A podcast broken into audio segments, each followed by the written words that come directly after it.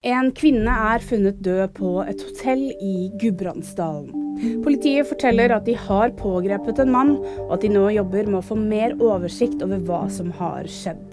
Til NRK så sier politiets innsatsleder at pågripelsen av mannen skjedde uten dramatikk. Kulden fortsetter å skape problemer i hovedstaden.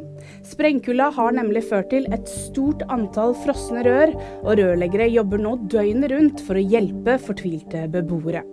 De ber folk sette på varmen i alle rom, og la varmt vann renne litt for å hindre at det fryser til. Hallie Bailey har fått en sønn. Skuespilleren er kjent for å spille den lille havfruen.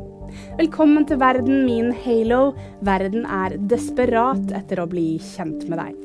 Det skriver Bailey på Instagram.